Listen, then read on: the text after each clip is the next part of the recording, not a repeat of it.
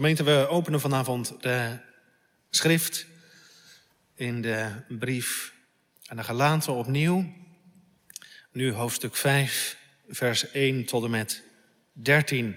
Galaten 5, vers 1 tot en met 13. Hoor het woord van God. Sta dan vast in de vrijheid waarmee Christus ons vrijgemaakt heeft. En laat u niet weer met een juk van slavernij belasten. Zie, ik, Paulus, zeg u dat als u zich laat besnijden, Christus u van geen nut zal zijn.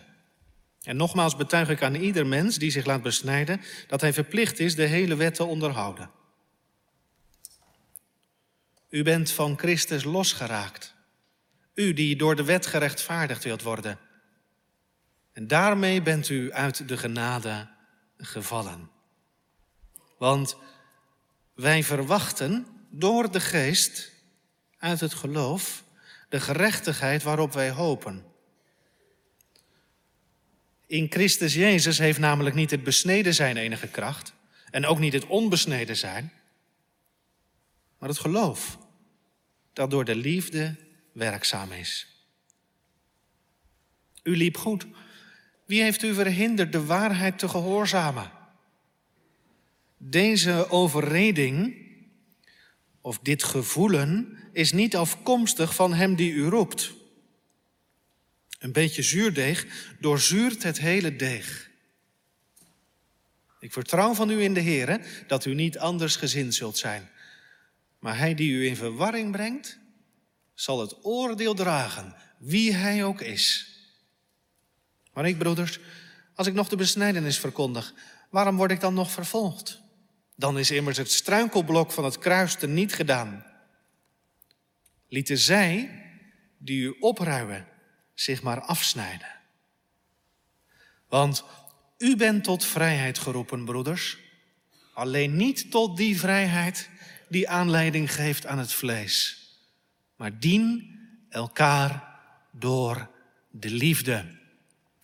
Tot zover. Wij danken de Heer voor zijn woord. Zalig zijn zij die het woord van de Heer horen en die dat bewaren in hun hart. Amen.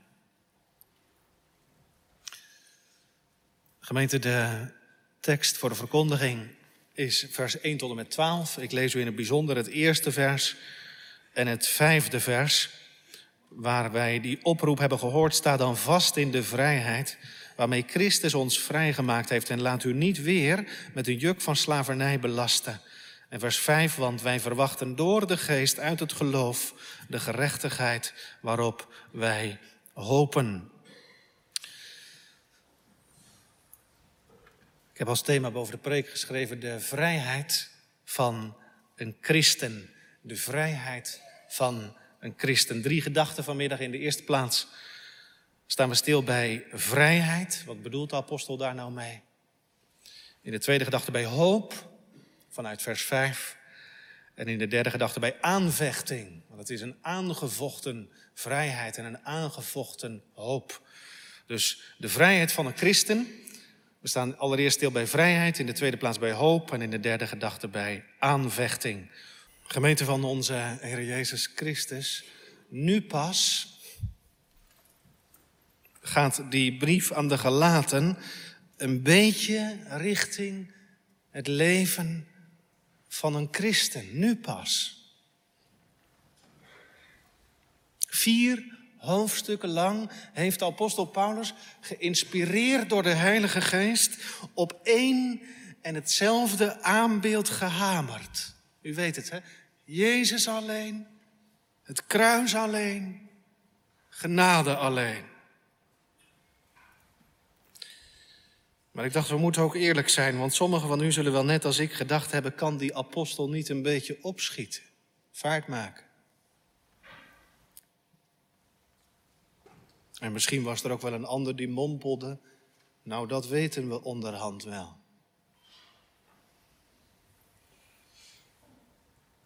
Opmerkelijk, hè? En gemeente tegelijkertijd ook veelzeggend dat, dat de apostel daar zo ruim de tijd voor neemt. En dat hij zelfs in hoofdstuk 5, de eerste twaalf versen, eigenlijk het nog niet zozeer heeft over, over het concrete christelijke leven, maar het heeft over het fundament van het christelijke leven. Ik dacht, weet u wat ons dat zegt? Dat Paulus vier hoofdstukken lang stilstaat bij die vraag: hè? hoe bent u rechtvaardig voor God? Weet u wat dat zegt? Gemeente, dat, dat zegt ons dit: dat echt te geloven dat Jezus alleen mijn gerechtigheid voor God is, dat is een van de moeilijkste dingen in het leven. Zal ik het nog een keer zeggen? Echt te geloven dat Jezus alleen mijn gerechtigheid voor God is, is een van de moeilijkste dingen in het leven. We zingen ervan en we zeggen het wel. Maar daaruit te leven. En daar onbewogen op te vertrouwen. Kijk, dat is iets anders. Dat is vers 2. En dan vind ik het zo mooi, gemeente, dat de Heilige Geest van de Heer Jezus Christus, die weet dat. En die weet dat beter dan ik het weet. En die zegt, u kunt wel zeggen, waarom gaan we niet door? Maar de Heilige Geest zegt, we blijven er nog even bij staan. Dat deed mij denken, ik dacht, misschien zijn hier wel kinderen in de kerk die in de vakantie een uitje hebben gehad. En ik moest terugdenken aan mijn eigen kindertijd. En als wij dan vroeger weggingen en we liepen door zo'n dierentuin, dan, dan liep ik on, ongeduldig voorop. Misschien herken je dat wel. Want het mooiste van de dierentuin vond ik de speeltuin. En daar moest je naartoe. Toch? En ik dacht, zo is het ook met ons vaak. Hè?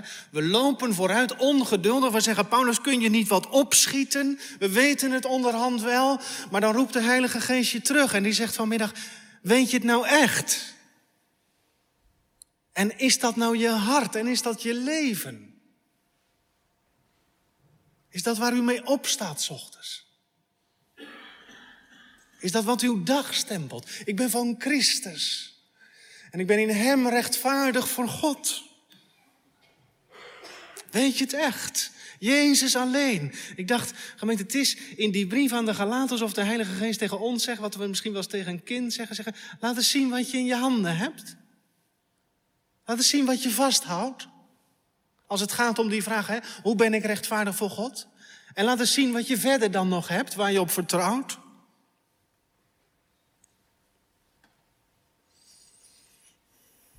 En het lijkt zelfs wel, dus dat is het eerste, hè, echt te geloven dat Jezus alleen mijn gerechtigheid voor God is, dat is een van de moeilijkste dingen in het leven. Maar ik dacht, er zit ook nog dit in, gemeente, dat het wel lijkt alsof de Heilige Geest huivert om het over heiliging te hebben, voordat we eerst goed en grondig weten hoe en dat wij rechtvaardig zijn voor God.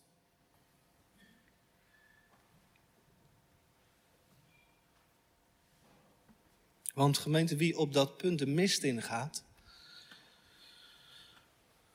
en in de schaduw leeft, die zal in dat wat we in de, in, in de kerk noemen de heiliging helemaal verdwalen. Als je dat niet weet, hè, ik ben door het geloof rechtvaardig voor God,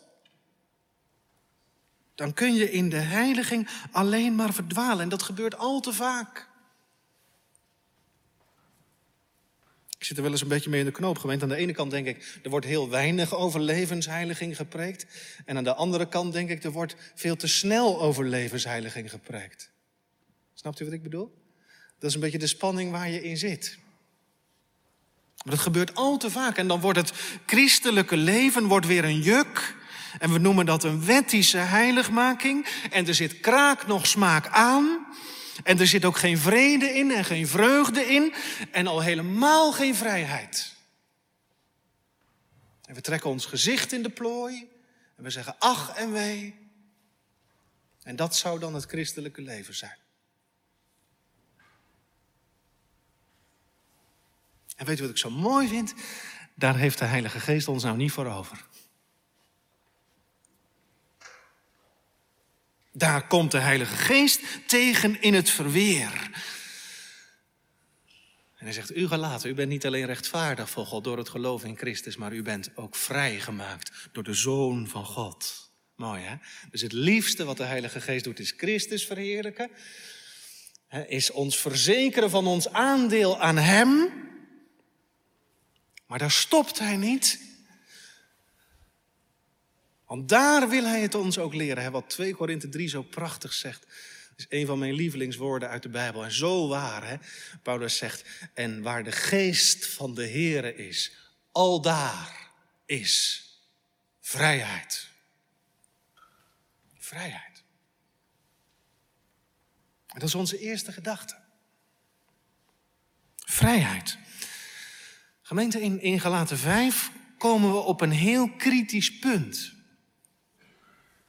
Paulus maakt de brug naar het christelijke leven. En de vraag is dus eigenlijk, hoe, hoe leef je nou uit dit evangelie?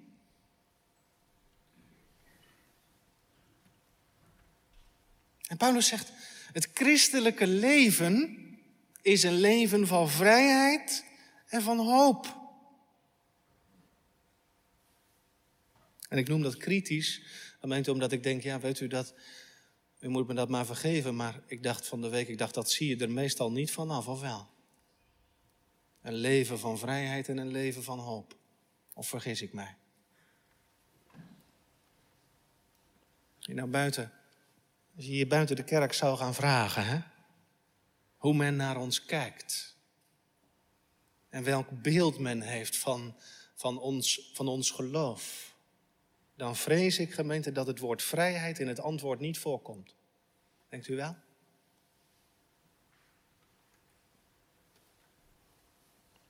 Het beeld hè, van, van, van gelovigen is toch dat, zoals ze dat dan noemen, hè, dat ze door allerlei wetjes en regels beperkt worden.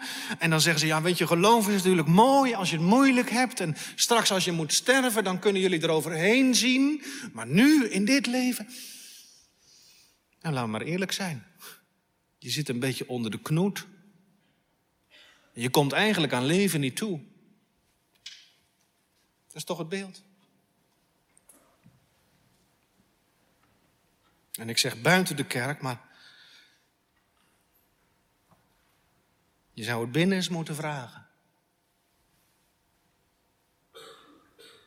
Is dat nou ons leven? Een leven van vrijheid en een leven van hoop. Ik vind het zo mooi, hè, gemeente, dat de Heilige Geest, en dat hebben we altijd weer nodig, dat we door de gezonde woorden van God gevoed worden, onderwezen worden. Want de Heilige Geest typeert het christelijke leven nou zo geheel anders. Hè? Mag ik het nog één keer voor u op een rij zetten? Eerder hebben we al geleerd hè, dat uit het geloof in de Heer Jezus Christus zijn wij rechtvaardig voor God. Gered van een verschrikkelijke, eeuwige ondergang. Rechtvaardig voor God. In hoofdstuk 3 heeft de apostel gezegd, en dat is het tweede, door het evangelie te horen, door de prediking van het evangelie, ontvingen wij de geest van God die ons het geloof leerde. Dat is het tweede, het ontvangen van de Heilige Geest. Dat hoort bij het christelijke leven, dat heb je ontvangen in de derde plaats heeft deze brief ons geleerd, door het geloof ben ik een aangenomen kind van God. Niet meer een slaaf, maar een zoon. Die met vrijmoedigheid mag komen tot de troon van de genade in de naam van de Heer Jezus Christus. Dat is een christen. Mag ik het kort samenvatten? In Christus ben ik rechtvaardig voor God, door Hem aangenomen en een erfgenaam van eeuwige heerlijkheid geworden. En het bijzondere is, deze brief zet daar geen vraagtekens bij en zegt niet, is dat nou zo? Maar zet er uitroeptekens bij. Dat is wat u in Christus hebt. Zo zegt de Heilige Geest, zo is het en zo is het nu. Dan kan het zo zijn dat hier of thuis iemand zit die zegt: Ja, dominee, weet u, u bent nou al een poosje bezig, en, en, maar ik kan er niet bij. Het is toch niet iets wat je zomaar elke dag op zak hebt?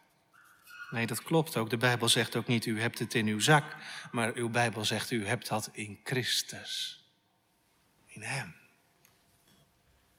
En als u Hem hebt, dan hebt u dit ook. Nou, zo is de apostel onderweg geweest. Hè? En dan de vraag vanmiddag is, wat brengt dat nou teweeg? Dat te weten, ik ben rechtvaardig voor God, aangenomen en ik ben een erfgenaam van het eeuwige leven. Nou, apostel Paulus geeft in het eerste vers van hoofdstuk 5 het antwoord. En ik vertaal het even letterlijk, maar hij zegt, hè, voor die vrijheid, broeders, heeft Christus u vrijgemaakt. Voor die vrijheid. Te weten, ik ben rechtvaardig voor God. Ik ben een aangenomen kind. En ik ben een erfgenaam van eeuwig leven. Dus er komt vanmiddag nog iets bij. Een christen is een vrij mens. Misschien moet ik het anders zeggen. Een christen mag als een vrij mens leven. Denk nog even aan die woorden uit 2 Korinthe 3, hè, waar de geest van de Here is, al daar is vrijheid. Dat is het grote verschil, gemeente, tussen het leven van de kinderen van God en het leven van de ongelovigen. De Bijbel zet dat heel radicaal tegenover elkaar. Ik dacht, als hier gezegd wordt, hè, u bent tot vrijheid geroepen, broeders, dan is daarmee ook direct gezegd wat nou het onbekeerde leven is. Wat is nou een leven zonder God en een leven zonder Christus?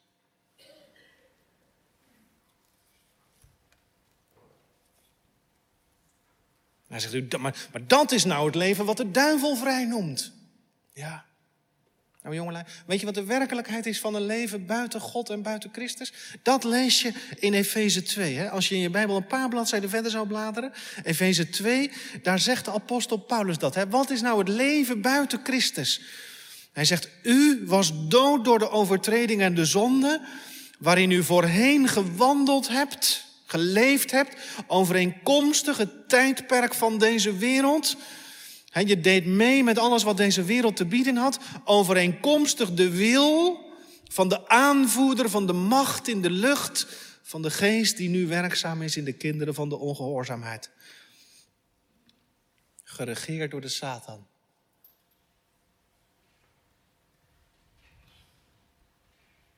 En Paulus zegt, daar hebben wij alle voorheen in verkeerd in de begeerte van ons vlees. En we hebben de wil gedaan van het vlees en van onze gedachten. We hebben gedaan wat we wilden, wat in ons opkwam.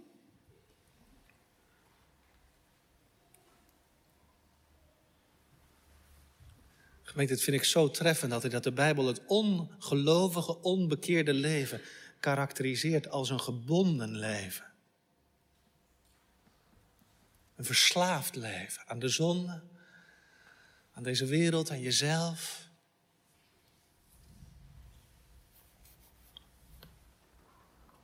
Maar Paulus zegt, u bent in Christus vrij. U zegt, dominee, wat betekent dat? Waarvan eigenlijk? Want vrijheid is natuurlijk ook het codewoord van onze tijd. Hè? Al denk ik wel dat het langzaam verdrongen wordt door het idee van gelijkheid. Maar het is heel lang heb je dat gehoord? Hè? Je moet vrij zijn. Je moet alles zelf kunnen kiezen wat je zelf wilt. Dat is, de, dat is de betekenis van vrijheid in onze taal. Vandaag komt daar een andere tsunami overheen en die zegt, weet je, iedereen is gelijk. En jij moet niet iets mogen wat ik niet mag. Maar als de Bijbel het over vrijheid heeft, wat bedoelt ze daar dan mee? Nou, ik zei het al. Paulus zegt hè, in, in 5 vers 1, Sta in de vrijheid waarmee Christus u heeft vrijgemaakt. Dus die bevrijding van het kruis, daar gaat het om. Wat is dat voor vrijheid? Nou gemeente, dat is allereerst een vrijheid van de zonde en van schuld. Christen is vrij van zonde en schuld. Ik zeg niet dat hij niet zondigt. Maar je zonden kunnen je nooit meer in de verdoemenis brengen. Christus heeft mij van verlost. Ik werd erin geboren. Niemand hoefde mij de zonde te leren. Zo aangrijpend, hè? Er is niemand geweest die op een dag tegen mij zei: Nou, nou wordt het tijd dat je, dat je zondigt. Het zat er al in en het kwam eruit. Dat is die gebondenheid aan de zonde die de Bijbel bedoelt. Hè? Het zit in ons. We kunnen niet anders. Maar met zijn bloed heeft Christus me er eeuwig uit vrijgekocht. Dus de vrijheid in Christus is allereerst een vrijheid van de schuld van de zonde. Maar het is in de tweede plaats ook een vrijheid van de macht van de dood. Misschien hebt u het nog nooit zo gezien, hè? maar dan weten wij, iemand zei eens, wat is nou het leven? Is dit leven nou, je kunt veel over het leven zeggen, het is mooi, het is prachtig, wees er dankbaar voor, maar is dit leven niet ergens ook een wachtkamer van de dood? Je weet niet wanneer het komt.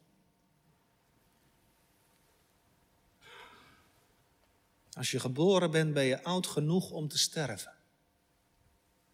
Is waar. Als je geboren bent, ben je oud genoeg om te sterven. En wat kan die laatste vijand je naar de keel grijpen? Je uit je slaap houden. En je beangstigen. Wat een vrijheid, hè? Als je nou in Christus mag weten, hè, mijn zonden zijn mij vergeven, maar wat meer is, hè, als Christus die hand op je legt en als de opgestaande zegt, vrees niet, vrees niet. Ik ben de eerste en de laatste. Ik ben dood geweest en zie, ik leef tot in alle eeuwigheid. Ik leef en u zult leven. Al was je ook gestorven. Dus, dus het is een vrijheid van de macht van de dood.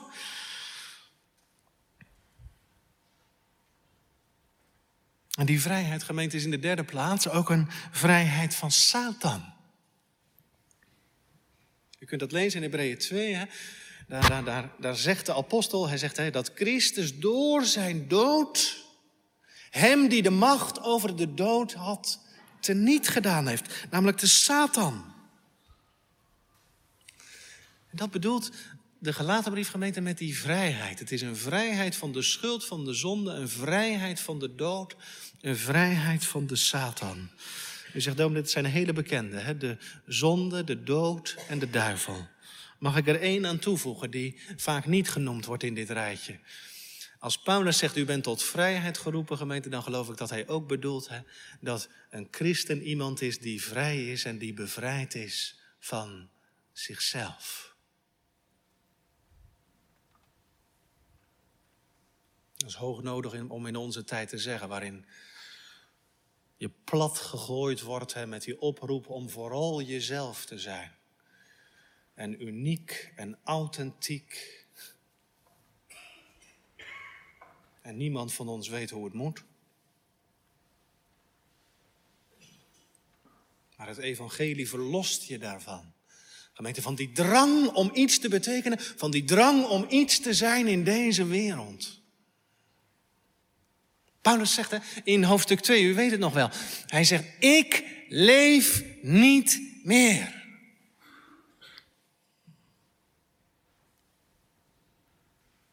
Gaat niet meer om mij. Dat is ook de vrijheid van een christengemeente. Dat als God een God is die goddelozen rechtvaardigt, hè, dan mag ik al die schijnvrome maskers van mij die ik ophoud voor broeders en zusters in het midden van de gemeente of naar buiten toe, dan mag ik al die schijnvrome maskers van mij meegeven aan het oude vuil. Dan mag iedereen weten wie ik ben. Je hoeft het niet, je hoeft de vuile was niet buiten te hangen, maar. Ik dacht, gemeente, als God mij aanneemt en als God me zijn kind noemt, dan mag ik stoppen met streven en pogen.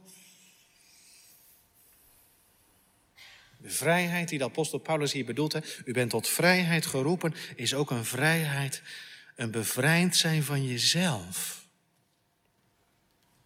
En in deze vrijheid, gemeente, zet Christus zijn gelovigen. En zegt u dan, maar dat is bij mij helemaal niet zo. De zonde kan nog geweldig naar me toe trekken. Gaan we het later nog over hebben. Hè? Het vlees begeert tegen de geest en de geest tegen het vlees. Zodat u niet doet. Zodat u doet wat u niet wilt. En u zegt, ik, ik, ik. Nou, laten we maar eerlijk zijn. Als ik soms aan de dood denk, dan, dan, dan, dan kan het me mijn keel afknijpen. Ik kan soms zo moeilijk onderscheiden wat, wat in mijn leven nou een overtuiging is van de Heilige Geest of een duivelse aanvechting. En, en bevrijd van mezelf, hou erover op.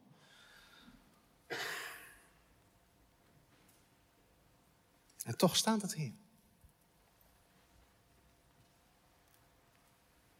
Ik dacht, gemeente, dat wordt ons verkondigd. Opdat we het horen, heel goed horen. Aan ons hart drukken.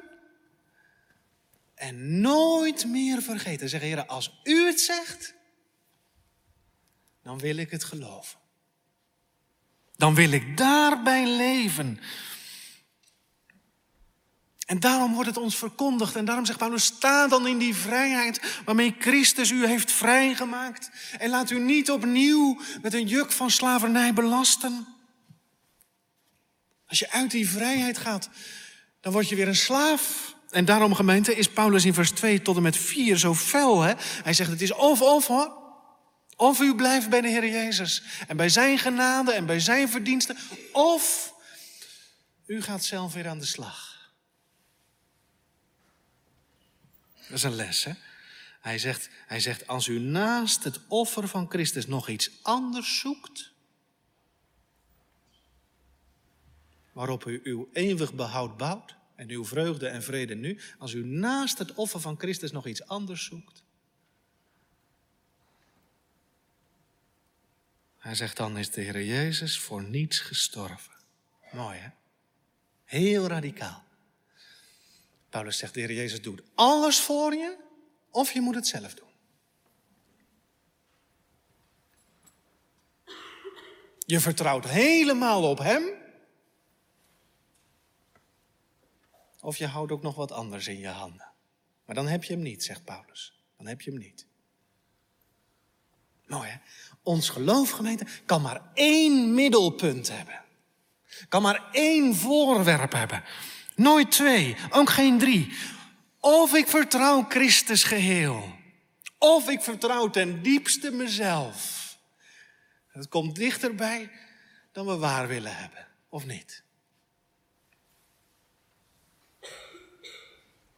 En in vers 4 gaat Paulus zelfs zo ver dat hij zegt: hè, als u het nu weer zelf wilt gaan doen, doordat u zegt: ja, ik geloof in Christus en ik vertrouw erop dat God me aanneemt als ik me laat besnijden, Paulus zegt, als u dat doet, dan raakt u van Christus los. Ik dacht, wat is dat aangrijpend, hè?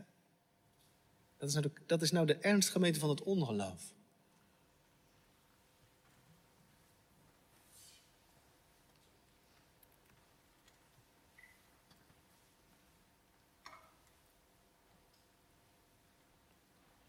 En Paulus zegt zelfs, dan bent u uit de genade gevallen.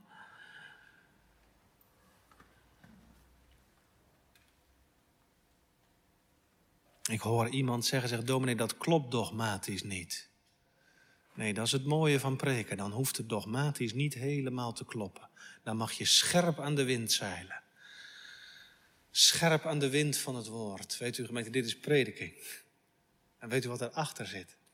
Paulus zegt, u gelaten, u die op het punt staat om uw blik van Christus af te wenden en weer op uzelf te richten. Bekeer u, bekeer u.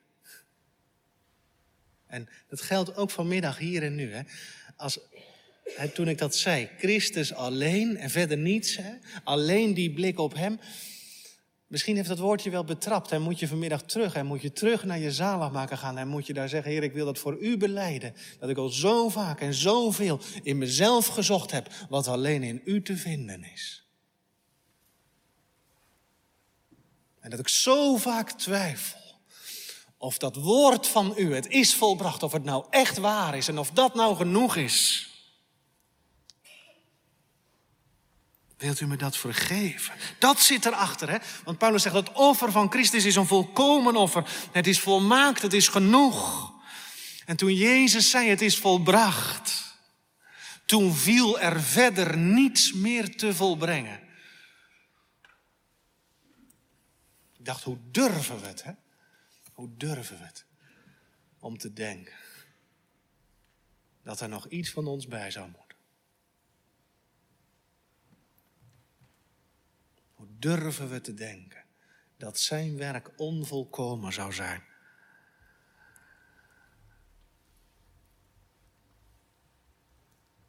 Iemand heeft dus gezegd: U kunt hem niet meer eren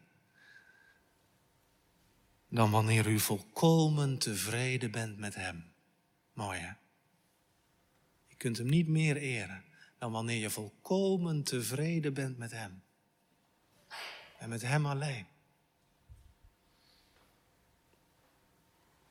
En al daar is vrijheid. Ik ga naar de tweede gedachte, hoop. Gemeente, dit hoofdstuk zegt dus wie in Christus is, die is vrij. Dat, was het, dat is het eerste woord waarmee de apostel het christelijke leven typeert. Hij maakt dat bruggetje en, en hier legt hij als het ware het fundament. En hij zegt de eerste pijler van het christelijke leven is vrijheid. In vers 5 zet de Heilige Geest er nog een woord bij. Hij zegt wij verwachten door de geest uit het geloof de gehoopte gerechtigheid. En dat is de tweede grondtrek van het christelijke leven. Wij hopen op dat wat we in Christus reeds hebben. Het is een bijzonder woord, hè? En dan zie je dus ook, de Bijbel spreekt op twee manieren over rechtvaardiging. Aan de ene kant kan de apostel zeggen, wij gerechtvaardigd zijn uit het geloof, Romeinen 5 vers 1.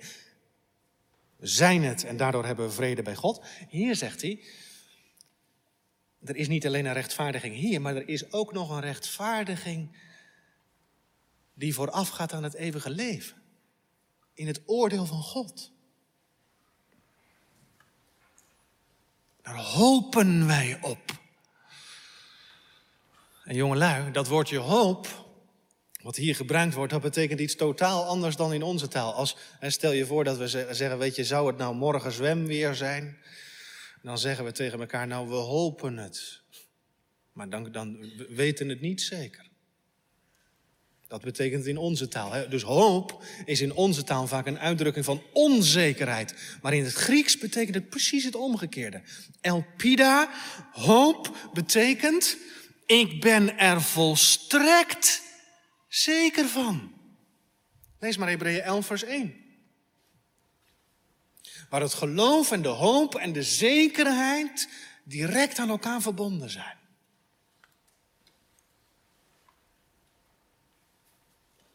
Paulus zegt dus, wij zijn vrij en in die vrijheid zijn we er zeker van dat God ons tenslotte vrij zal spreken. Dat is wat. Als je een Christus genoeg hebt, dan mag je er rotsvast zeker van zijn dat in het uur van je dood, of als de Heer Jezus eerder terugkomt, dat Hij u definitief vrijspreekt en rechtvaardig verklaart.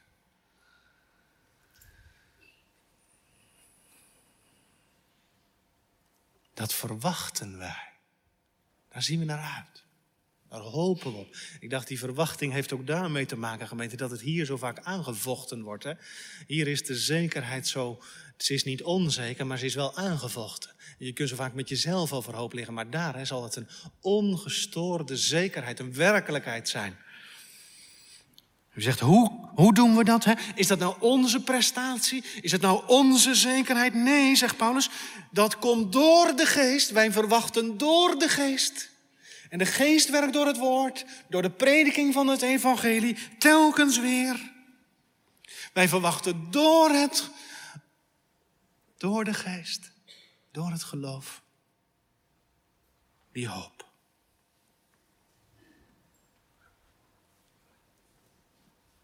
En het geloof zegt telkens weer amen op het evangelie. En ik dacht, gemeente, hier in die hoop, daar zie je nou de vrijheid van een christen in actie. Want als je vrij bent van de zon en als je vrij bent van schuld, vrij van de dood, vrij van Satan, vrij van mezelf, dan hoef ik niets meer te vrezen.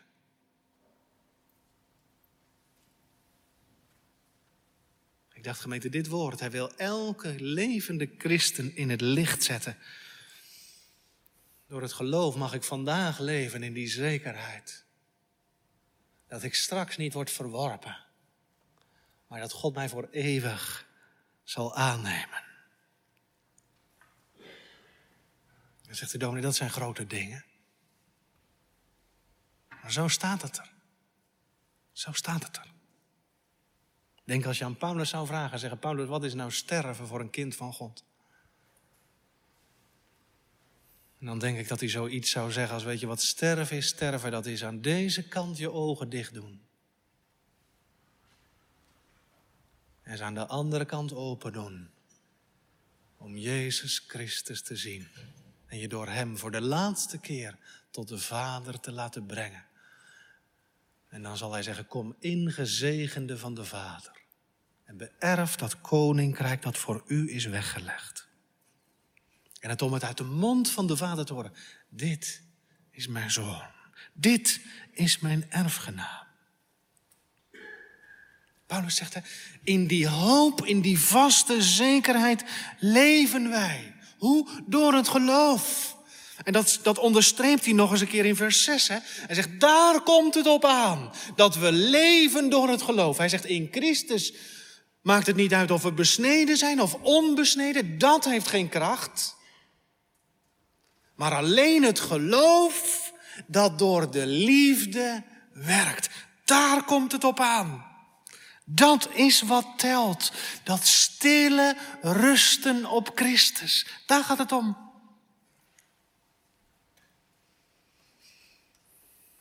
En dat van dat geloof, zegt de apostel, dat geloof vuurt de liefde aan. Daar komt het christelijke leven uit. Kun je niet omdraaien, hoor gemeente? Dan kom je dus in die wettische heiliging. Het geloof vuurt de liefde aan. Dat geloof in die vergeving van de zonden. Aanneming door God. En de zekerheid van het eeuwige leven. Dat laat de liefde branden. En ik dacht, de oplettende lezer die heeft het al door. Hè, dat de apostel Paulus hier net als op een andere plaats het christelijke leven vangt in drie woorden. Hij zegt het is een leven van geloof, van hoop en van liefde. Hier hebt u het. De liefde gaan we de volgende keer op door, maar ik noem het hier alvast wel even. En dan hou ik even stil. En ik wil u vragen, ziet u nu wat een christelijk leven is volgens de Bijbel? Het is niet een kwestie van dingen doen en dingen laten.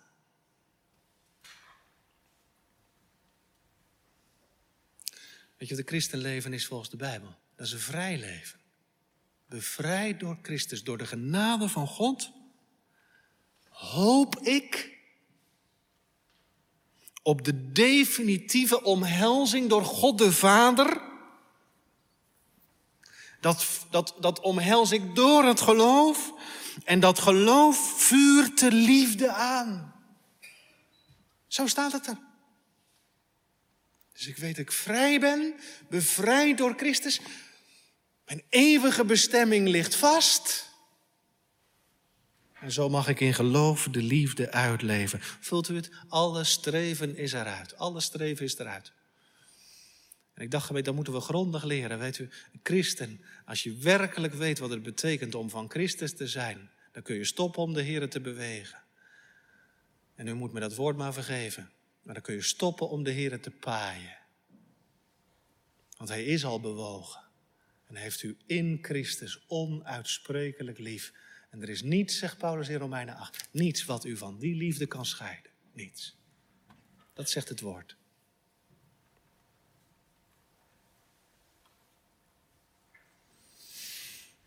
Ik ga nog even naar de derde gedachte. Aanvechting. Want hoofdstuk 5 leert ons opnieuw de vastheid in Christus. En toch, toch zijn die gelaten er helemaal bij vandaan. Eens wandelden ze zo goed, zo standvastig. Paulus zegt, wie heeft u, wie heeft u bewogen om, om de waarheid, die waarheid in Christus, ongehoorzaam te zijn? Om daarbij vandaan te gaan, om het los te laten. Nou ja, die arme drommels daar, die waren zo onder de indruk van die predikers uit Jeruzalem.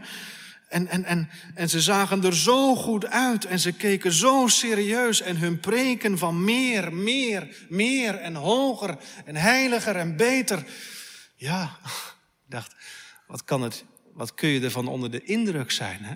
van die mensen die zeggen, ik ben heiliger dan jij. Dat je zomaar in de hoek kruipt dat je denkt, ik neem de achterdeur wel.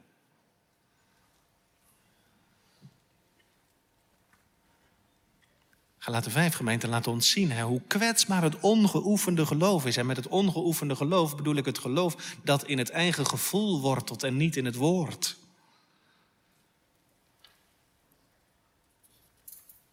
Weet je wat deze brief ons leert, gemeente? Waar dit evangelie wordt gepreekt, hè? waar dit evangelie wordt gepreekt, dat u genoeg hebt aan, aan het offeren van Jezus Christus, daar is de aanvechting nooit ver weg. En er wordt alles op alles gezet om je daaruit weg te krijgen. Ik dacht, daar staan de jukpredikers al klaar. En vaak doen ze een beroep op je gevoel en zeggen: Je snapt dat toch wel? dit is toch niet meer dan normaal? Nu? Ik vond het zo mooi dat de Statenvertaling bij vers 8 vertaalt en zegt: Dit gevoelen, dat wat jullie nu voelen en denken en menen te moeten doen, dit gevoelen is niet uit Hem die u roept.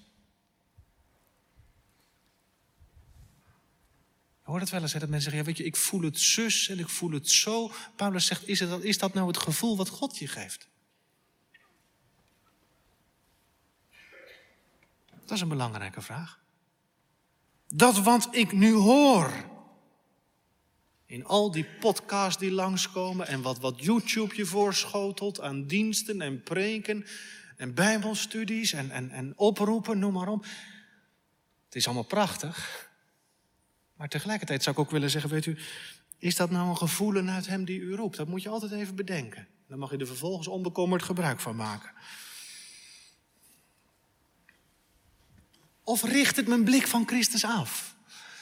Zet het me op een onheilige manier aan het werk? Dit gevoelen, zegt Paulus, dat weet ik zeker. Dit is niet uit hem die u roept. Maar het komt uit de tegenstander.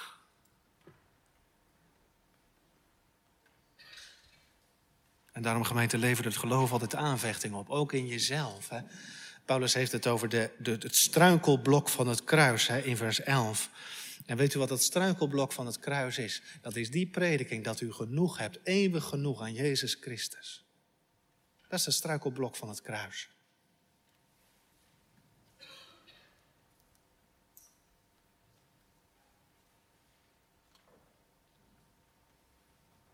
En dat is precies de aanvechting van een christen. En dat is waar een kind van God zo vaak mee overhoop kan liggen.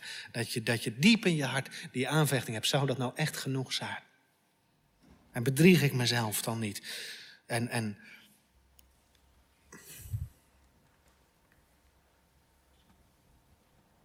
Soms kan het in je hart zijn en dat je zegt, Heer, ik ben soms zo bang dat ik alsnog verloren ga.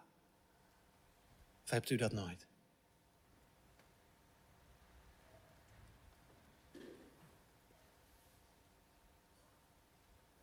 En dan ligt alles overhoop. Weet je wat Paulus zegt? Zij die u in verwarring brengen, dan, mag, dan werd ik door bemoedigd. Zij die u in verwarring brengen, ze zullen het oordeel dragen. Het oordeel. Mooi hè? Zo zuinig is de Heer op het geloof van zijn kinderen. Als u een kind van God bent en een, en, en een prediking brengt u in verwarring. Onbijbels. Paulus zegt, ze zullen hun oordeel dragen. En hij brengt, hij brengt die gelaten weer terug naar het kruis. Gemeente, dat is altijd de weg in aanvechting. Waar moet je nou heen? Terug naar het woord. Terug naar het kruis. Terug naar de troon van de genade. Ik moet nodig eindigen. Voor we naar huis gaan, gemeente, nog één vraag. Want misschien dat hier wel iemand is die zegt: Ja, dominee, weet u, is dat nou echt mogelijk om zo te leven? In die vrijheid en in die hoop. Kan dat? En ik begrijp die vraag al te goed. Maar mag ik vanmiddag eens een vraag terugstellen? Denkt u dat de Heilige Geest ons iets laat verkondigen wat Hij niet wil geven? En wat Hij ons niet wil leren?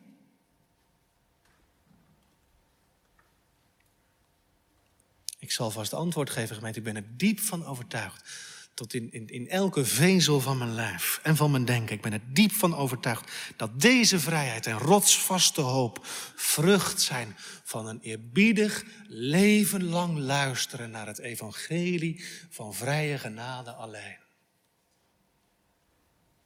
En weet u hoe u het leert? Door niet te luisteren naar uw gevoel. En door niet te leven op dat, op dat innerlijke golfslagbad van, van al uw gedachten en ik denk en ik voel. Maar door in geloof elke belofte van God eerbiedig en dankbaar te omhelzen. Ik wil niemand pijn doen, maar ik dacht gemeente, hebben we niet lang genoeg geklaagd over wat we niet hebben? Zullen we het eens hebben over wat we in Christus wel hebben.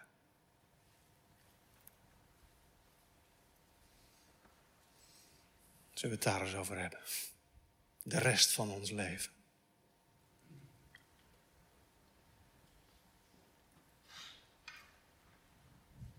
Want alleen zo kun je staan zonder weer een slaaf te worden. En alleen zo wordt de hoop verlevendigd. Hier, hier gemeente, hier wil ik mijn hart op richten. Op dit evangelie, op dit woord, op wat God me in Christus schonk. Daar wil ik over nadenken. Daar wil ik mijn hart mee vullen. In Christus rechtvaardig, in Christus aangenomen, in Christus een erfgenaam van eeuwig leven, in Christus vrij. Vrij om te leven, niet meer voor mezelf, maar voor Hem en voor mijn naasten. We moeten onze gedachten richten, gemeente, op Christus. Op wie we in Christus zijn en op wat we in Hem hebben. En dan zeg ik vanavond, gemeente, want weet u, deze vrijheid en deze hoop vormen samen de sleutel van een waarachtig heilig leven. Echt, het begint hier. Een heilig leven dat niet opkomt uit de wet of uit angst of uit bewijsdrang, maar een leven dat opkomt uit het evangelie, uit het geloof en uit de liefde tot roem van God en Hem alleen. Dat is de vrijheid van iedere christen. De Heer zegent zijn woord om Christus wil. Amen.